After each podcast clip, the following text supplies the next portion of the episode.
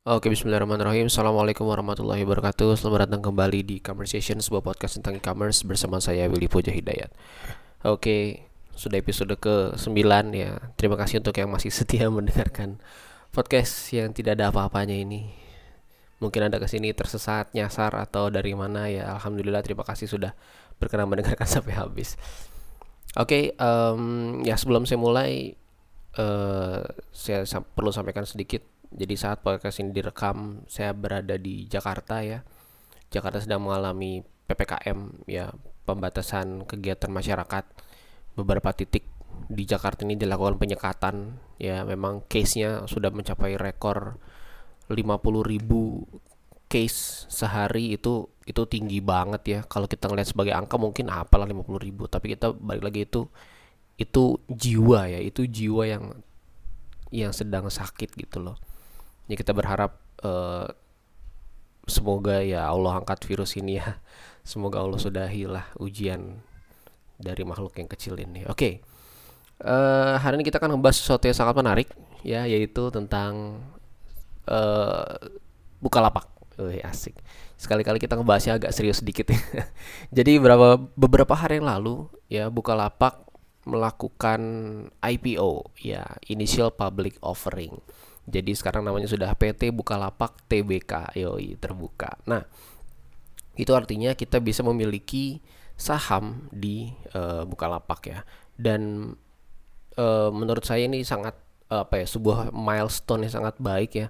Karena setahu saya Bukalapak ini unicorn, uh, sebuah perusahaan digital dengan status unicorn pertama di Indonesia yang akhirnya IPO ya yang kita gadang-gadang bakal IPO yaitu GoTo ya Gojek dan Tokopedia malah belum ya malah lebih dulu uh, lapak.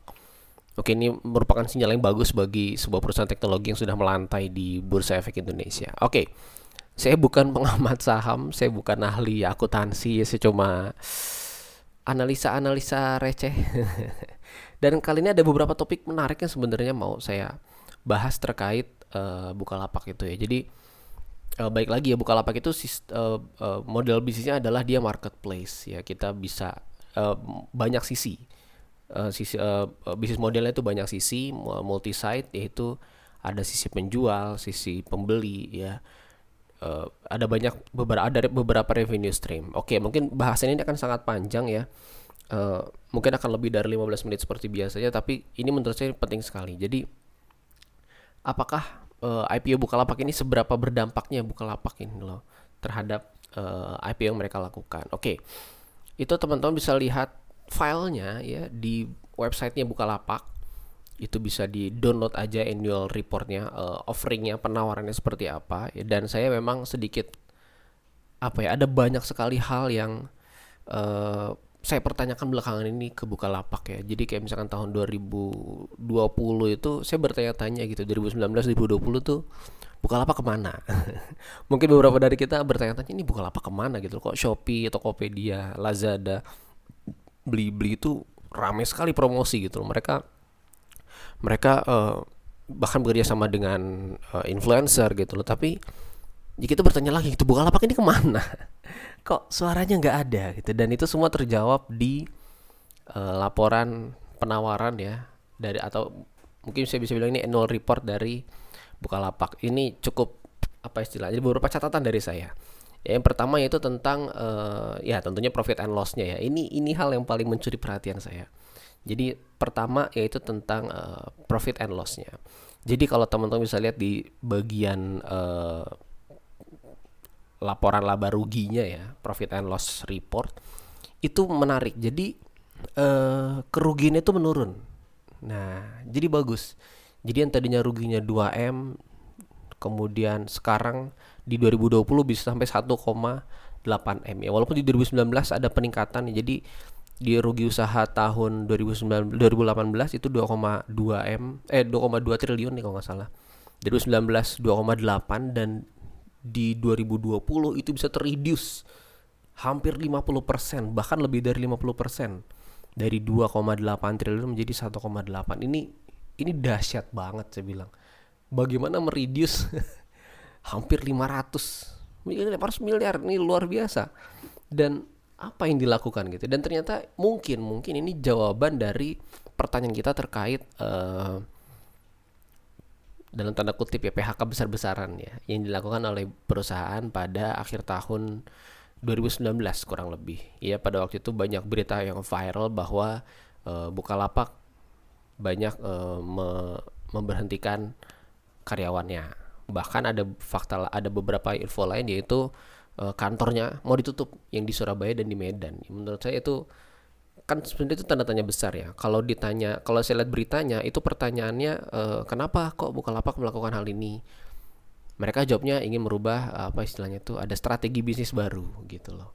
Dan ya ternyata efisiensi ya. Menurut saya ya sayang sayang enggak enggak sih tapi ya ya udahlah mungkin itu keputusan mereka oke nah kita lihat lagi berdasarkan uh, revenue ya saya lihat ini dari EBITDA ya earning before interest tax dan bla bla bla. Oke. okay. 2018 2019 2020 secara uh, EBITDA ini memang meningkat ya. Dari 2018 cuma 290 miliar di 2019 sampai 1 triliun ya, dan 2020 sampai 1,3 triliun. Itu itu dahsyat menurut saya. Ya pertumbuhannya signifikan dari 2018 ke 2019 tapi dari 2019 ke 2020 kok cuma mungkin sekitar 30-an persen 25 sampai 30 persen ini ada apa? Apakah terkait efisiensi? Dan ini sepertinya menjawab ya menjawab pertanyaan juga bahwa uh, ya at least buat saya lah ke mana sih emailnya Bukalapak? Ya mungkin teman-teman yang berlangganan newsletter Bukalapak pasti bertanya-tanya deh. Uh, dia tuh tidak kurang konsisten ya di 2019 2020 tuh dia tidak konsisten. Jadi kadang sebulan cuma sekali gitu loh mengirimkan uh, email penawaran. Dan makin ke sini email penawarannya uh, uh, fokus cuma satu atau dua penawaran saja. Tidak seperti Tokopedia yang mungkin ada banyak sekali uh, apa namanya section-section ya. Tapi kalau dia hanya satu satu penawaran aja. Dan bahkan nggak nggak setiap hari gitu loh. Baru belakangan ini aja baru mulai pulih lagi selebihnya uh, sebelum sebelumnya uh, bolong-bolong ya. Saya juga nggak tahu kenapa apa alasannya tapi saya rasa itu terkait ke efisiensi ya.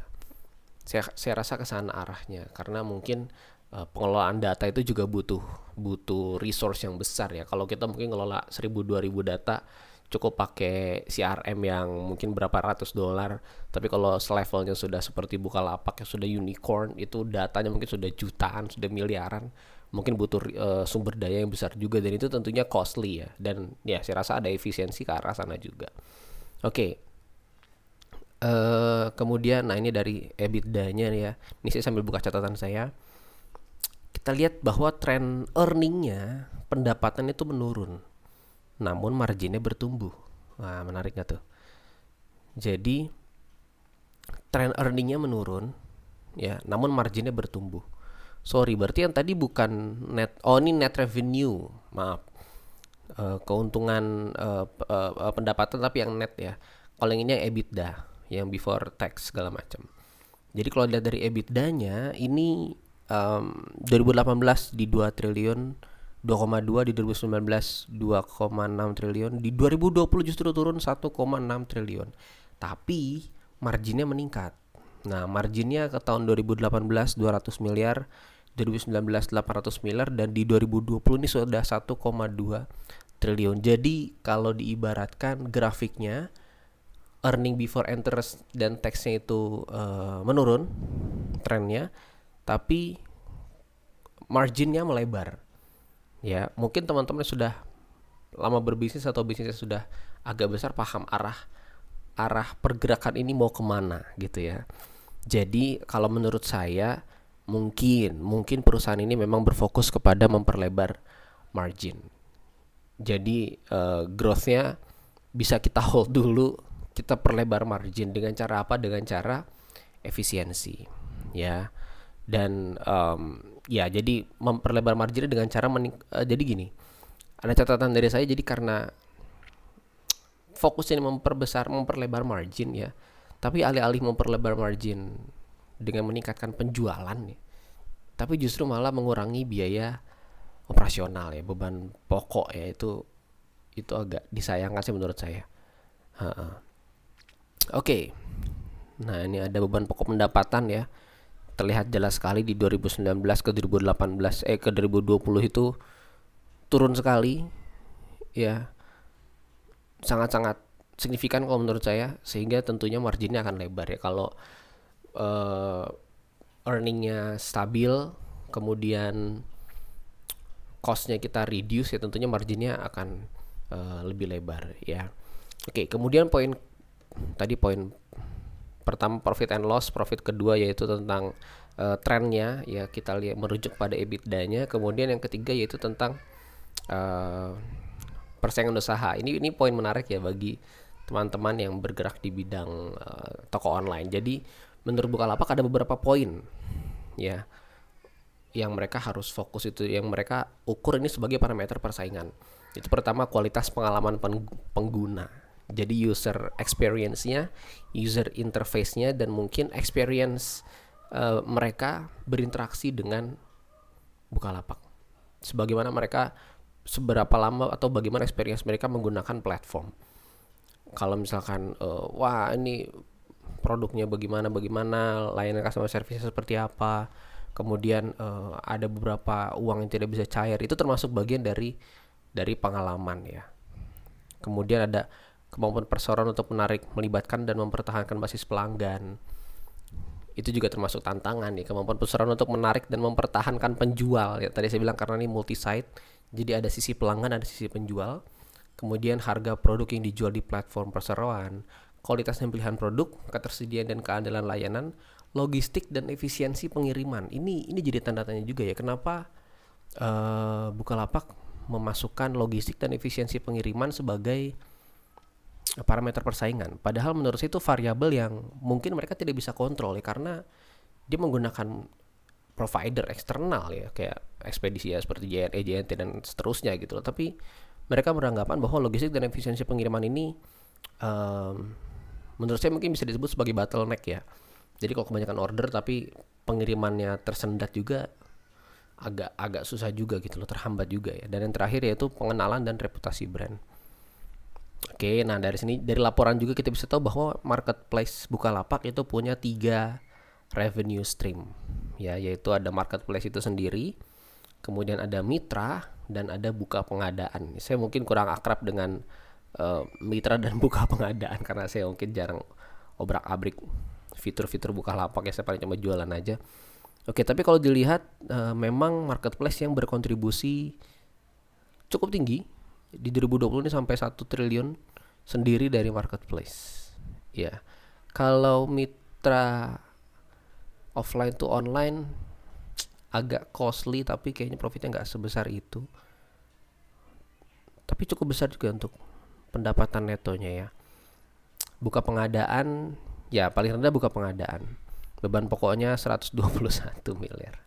Sedangkan pendapatan neto 128 miliar ya minus-minus sih oke lah. Nah, ini juga buat uh, uh, topik yang menarik yaitu periklanan. Ya, jadi ternyata kita kita bertanya selama ini uh, Bukalapak ini ke mana? Kok nggak pernah lihat iklannya, gitu kan? Kenceng di awal dong, sekarang udah ke mana iklannya? Saat Shopee dan Tokopedia bersaing mengakui sisi pengguna dengan menggunakan siapa tuh? Artis-artis Korea BTS, Blackpink itu luar biasa. Bukalapak ini ke mana gitu loh. Beli-beli aja udah mengakui sisi siapa tuh? Eh bukan mengakui sisi. Bekerja sama dengan influencer juga ya. Lazada juga gitu loh. Lah ini Bukalapak ini ke mana gitu? Ya sangat sangat menimbulkan tanda tanya yang besar. Dan ternyata uang eh uang budget iklan mereka juga tidak bisa dibilang kecil juga ya itu menurut saya tapi nggak tahu kalau kita compare dengan uh, kompetitornya mungkin mungkin saya rasa ini cukup uh, tidak proporsional ya Oke kita lihat um, dari sisi periklanan online ya ini hampir jadi gini ya ada ada voucher, mitra, subsidi fitur, saluran pembayaran iklan online, iklan offline dan lain-lain. Ini kalau saya lihat trennya hampir semuanya menurun. 2018 2019 ke 2020. Ya, dari 700 miliar ke 400 miliar dari 500 ke 470 ke kecuali subsidi fitur. Saya rasa ini terkait dengan uh, sistem pembaruan komisi seller ya, dia itu dengan sistem super seller. Jadi fiturnya dibuka tapi uh, mekanismenya dirubah. Kemudian ada iklan online juga drastis sekali, hampir setengahnya. iklan offline juga sama ya ini bahkan lebih dari setengah terreduce ya. Jadi maksud saya Bukalapak ini benar-benar sedang berfokus untuk meningkatkan untuk mencapai bukan meningkatkan untuk mencapai uh, profitabilitas ya.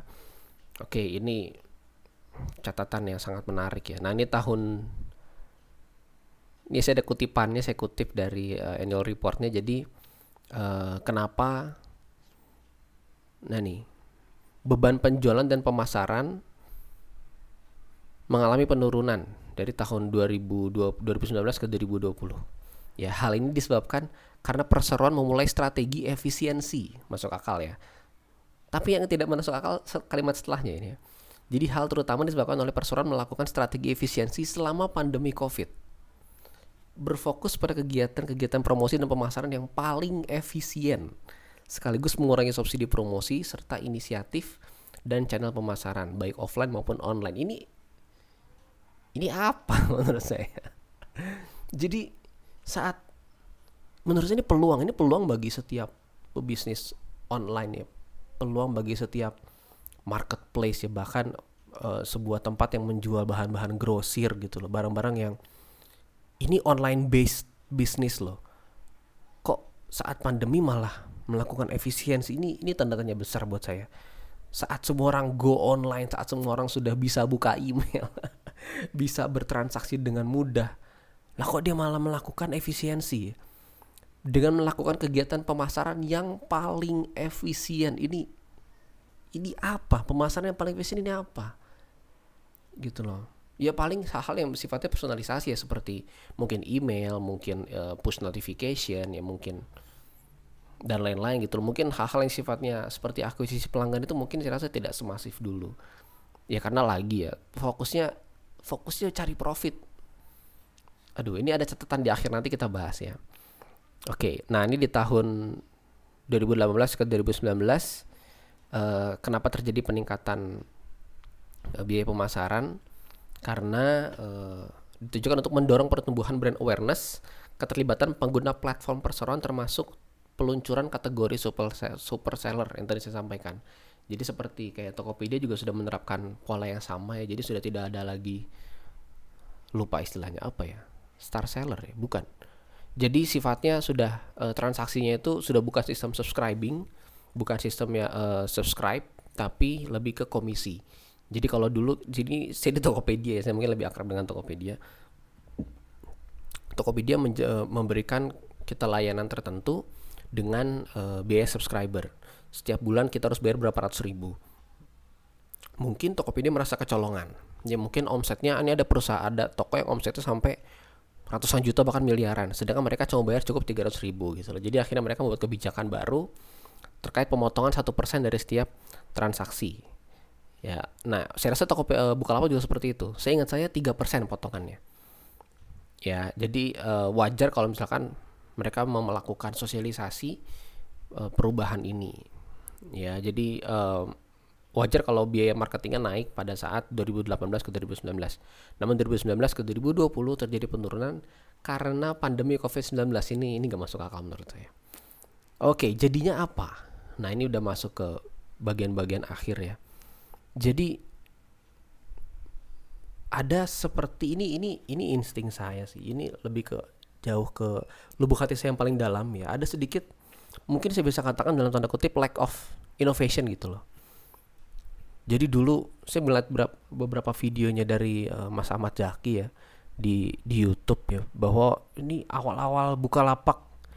Jadi mereka ambisius sekali gitu loh. Mereka buka sebuah tempat untuk AI gitu. Mereka punya pengembangan terkait uh, artificial intelligence, mereka punya banyak sekali hal-hal yang sifatnya uh, research gitu loh di bidang research. Mas Mas Zaki kayaknya benar-benar fokusnya di research deh.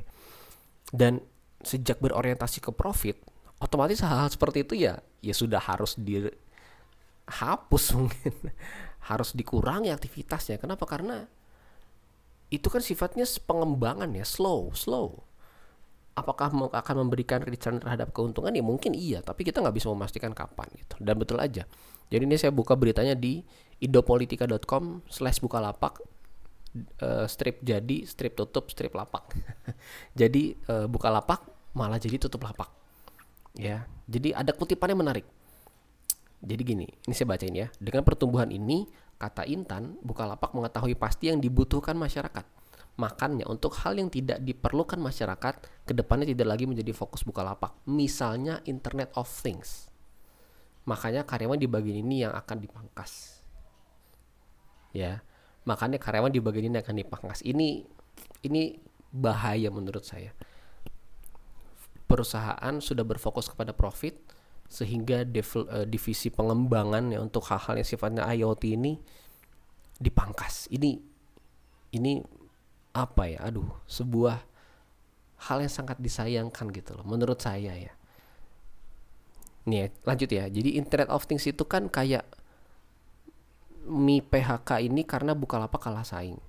Keras sekali bisnis startup ini. Durasi beberapa tahun aja yang besar-besar langsung goyang. Jadi memang mungkin di sektor Internet of Things ini uh, memang persaingannya agak berat gitu ya dan mungkin agak lama nafasnya lebih panjang dibanding marketplace yang sifatnya mungkin ada jual barang barang terjual kita dapat komisi gitu lebih cepat gitu dibanding mungkin internet of things yang butuh waktu pengembangan yang cukup lama gitu ya nah ini kan kayak bikin kulkas pintar meja pintar ini sempat ada percobaan bikin hardware tapi nggak dilanjut sayang banget jadi wajar mau jadi mungkin saya tidak salah-salah banget kalau saya bilang akan ada uh, lack of innovation karena perusahaan berfokus ke profit ya. Memang nggak nggak nggak salah perusahaan berfokus ke profit nggak salah gitu. Tapi kita fokus lagi. Oke. Okay. Nah terus kita bandingkan dengan Amazon. Ya saat pertama kali Amazon melakukan uh, eh, IPO tahun 1997. Ya, Amazon pertama kali mengumumkan sahamnya dibuka untuk umum itu tahun 1997 dengan kondisi yang sama seperti Bukalapak, sama-sama rugi. Ya tapi kerugian Amazon itu bertumbuh. Maksudnya gini maksudnya jumlah penjualannya itu meningkat. Ya uh, secara revenue dia meningkat walaupun masih rugi.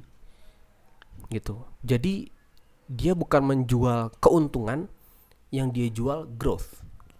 Ya. Jadi itu menarik menurut saya. Dan memang Bezos bilang Jeff Bezos ya dulu masih CEO-nya Amazon dia bilang bahwa memang selama beberapa tahun ke depan Amazon tidak berfokus ke profit melainkan ke growth, ke pertumbuhan.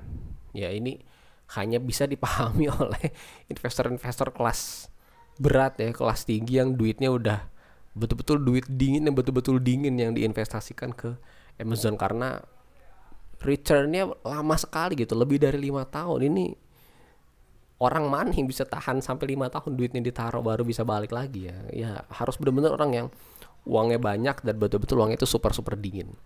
Oke catatan kedua yang dibandingkan dengan Amazon Amazon biarpun dia membuka produk biarpun dia membuka uh, peluang bagi kita untuk memiliki sahamnya tapi dia tetap berfokus kepada uh, inovasi saya kutip ya accordingly the company intends to continue to invest heavily in marketing and promotion product development and technology and operating infrastructure development.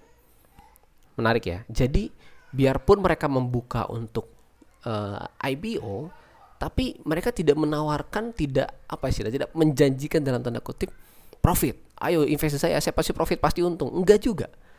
Justru Amazon bilang duitnya bahkan saya pakai untuk marketing dan promosi gitu product development dan uh, teknologi.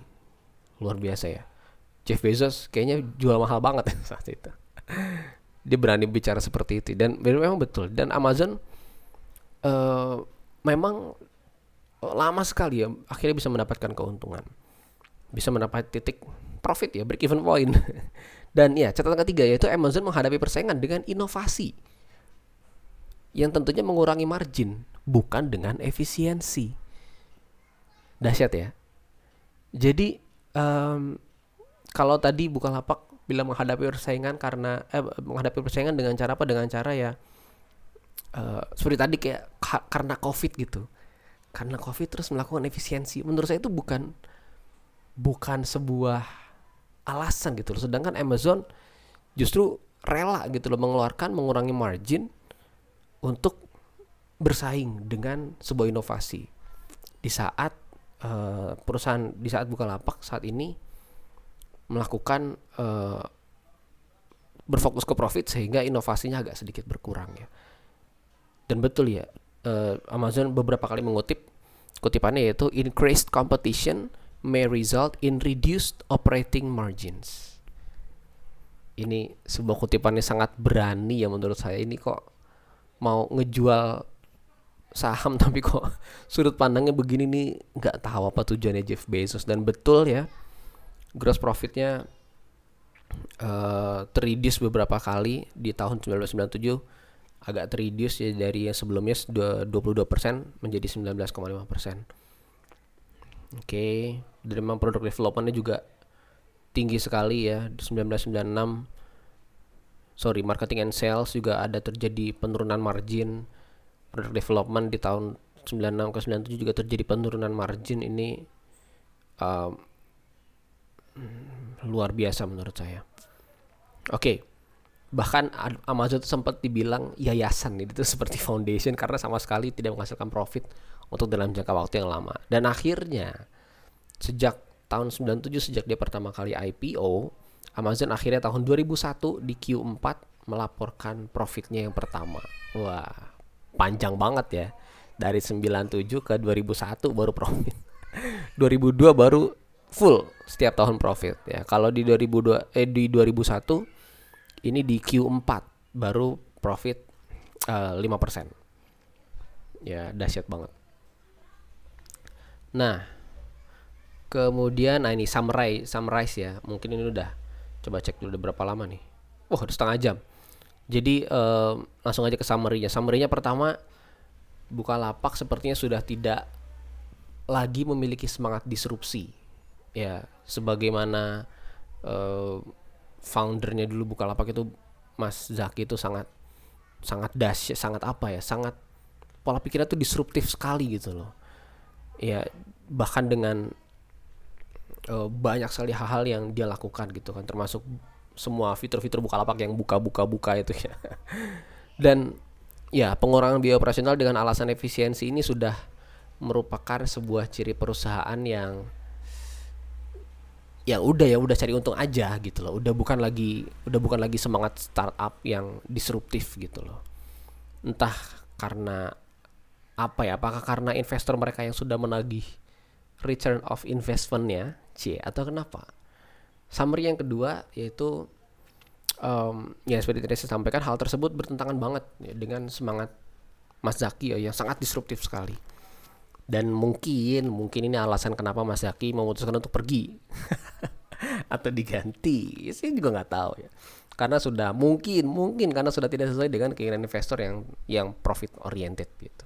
Itu ini, ini analisis kecil-kecilan saya ya. Kemudian summary yang ketiga itu peningkatan margin dan penurunan revenue. Um, ya dari EBITDA kita lihatnya ini menunjukkan bahwa perusahaan berpikir untuk settle. Jadi um, jadi pokoknya kita harus mengejar uh, profit ya, ya itu wajar gitu loh tapi itu bukan semangat semangatnya Amazon itu bukan semangatnya uh, Facebook ya. itu bukan semangatnya The Four kalau kata Scott Galloway yang mana profit ditukar dengan growth jadi seperti kayak WeWork itu kan nggak ada belum ada profitnya gitu. tapi growth seperti Tesla Tesla juga baru belakangan ini aja profit kan. Uh, selebihnya biaya operasional tinggi sekali, marginnya tipis sekali.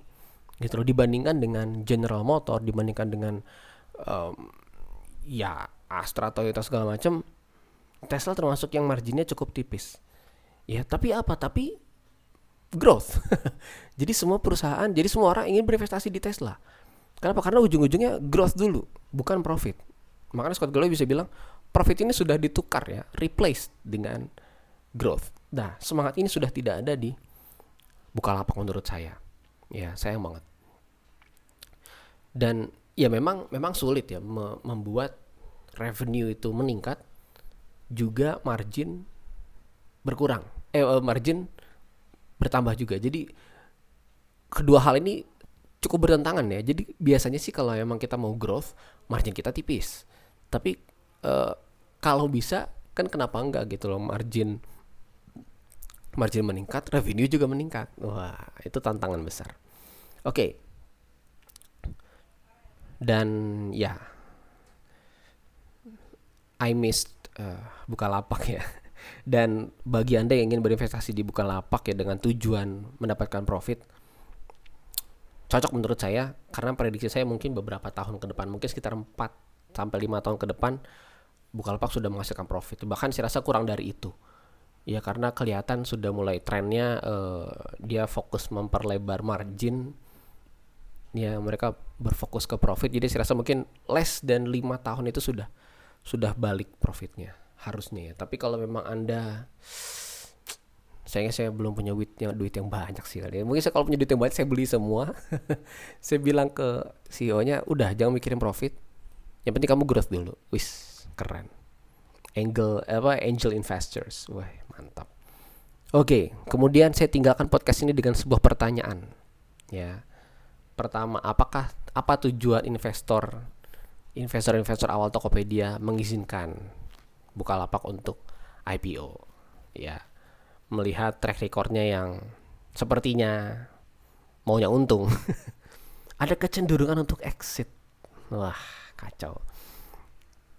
Exit investors. Tapi akhirnya dibantah oleh uh, Pak Pandu Syahrir di beliau uh, komisaris di BI mereka beliau juga memegang saham di Bukalapak. Dia bilang uh, menegaskan bahwa IPO Bukalapak ini bukan strategi exit investor. Berarti kecurigaan itu ada gitu ya.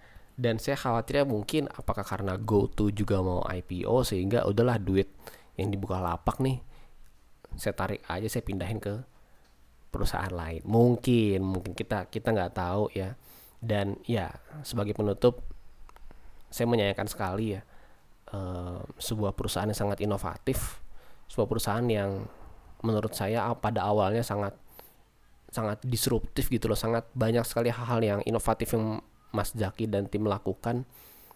Namun sekarang berfokus ke profit, ya ya wajar, perusahaan mencari profit wajar, tapi semangat disrupsi itu sudah tidak ada lagi, sudah tidak ada jiwanya lagi gitu.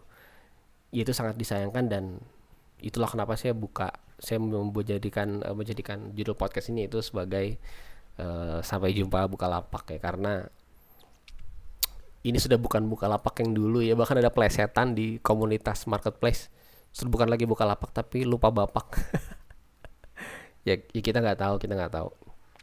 Ya ya semoga aja uh, semoga sukses buka lapak uh, untuk IPO-nya ya terkait banyaknya perdebatan mengenai apa apa namanya tuh uh, price and sales rasionya juga terlalu tinggi ya. It's okay itu pendapat setiap orang masing-masing terserah ya. Tapi ya saya harapan sih bisa sukses bisa settle bisa profit dan bisa uh, kembali lagi membantu kami para UMKM untuk uh, bisa uh, berkompetisi ya di di internet ya di dunia percumbersan ini. Oke? okay?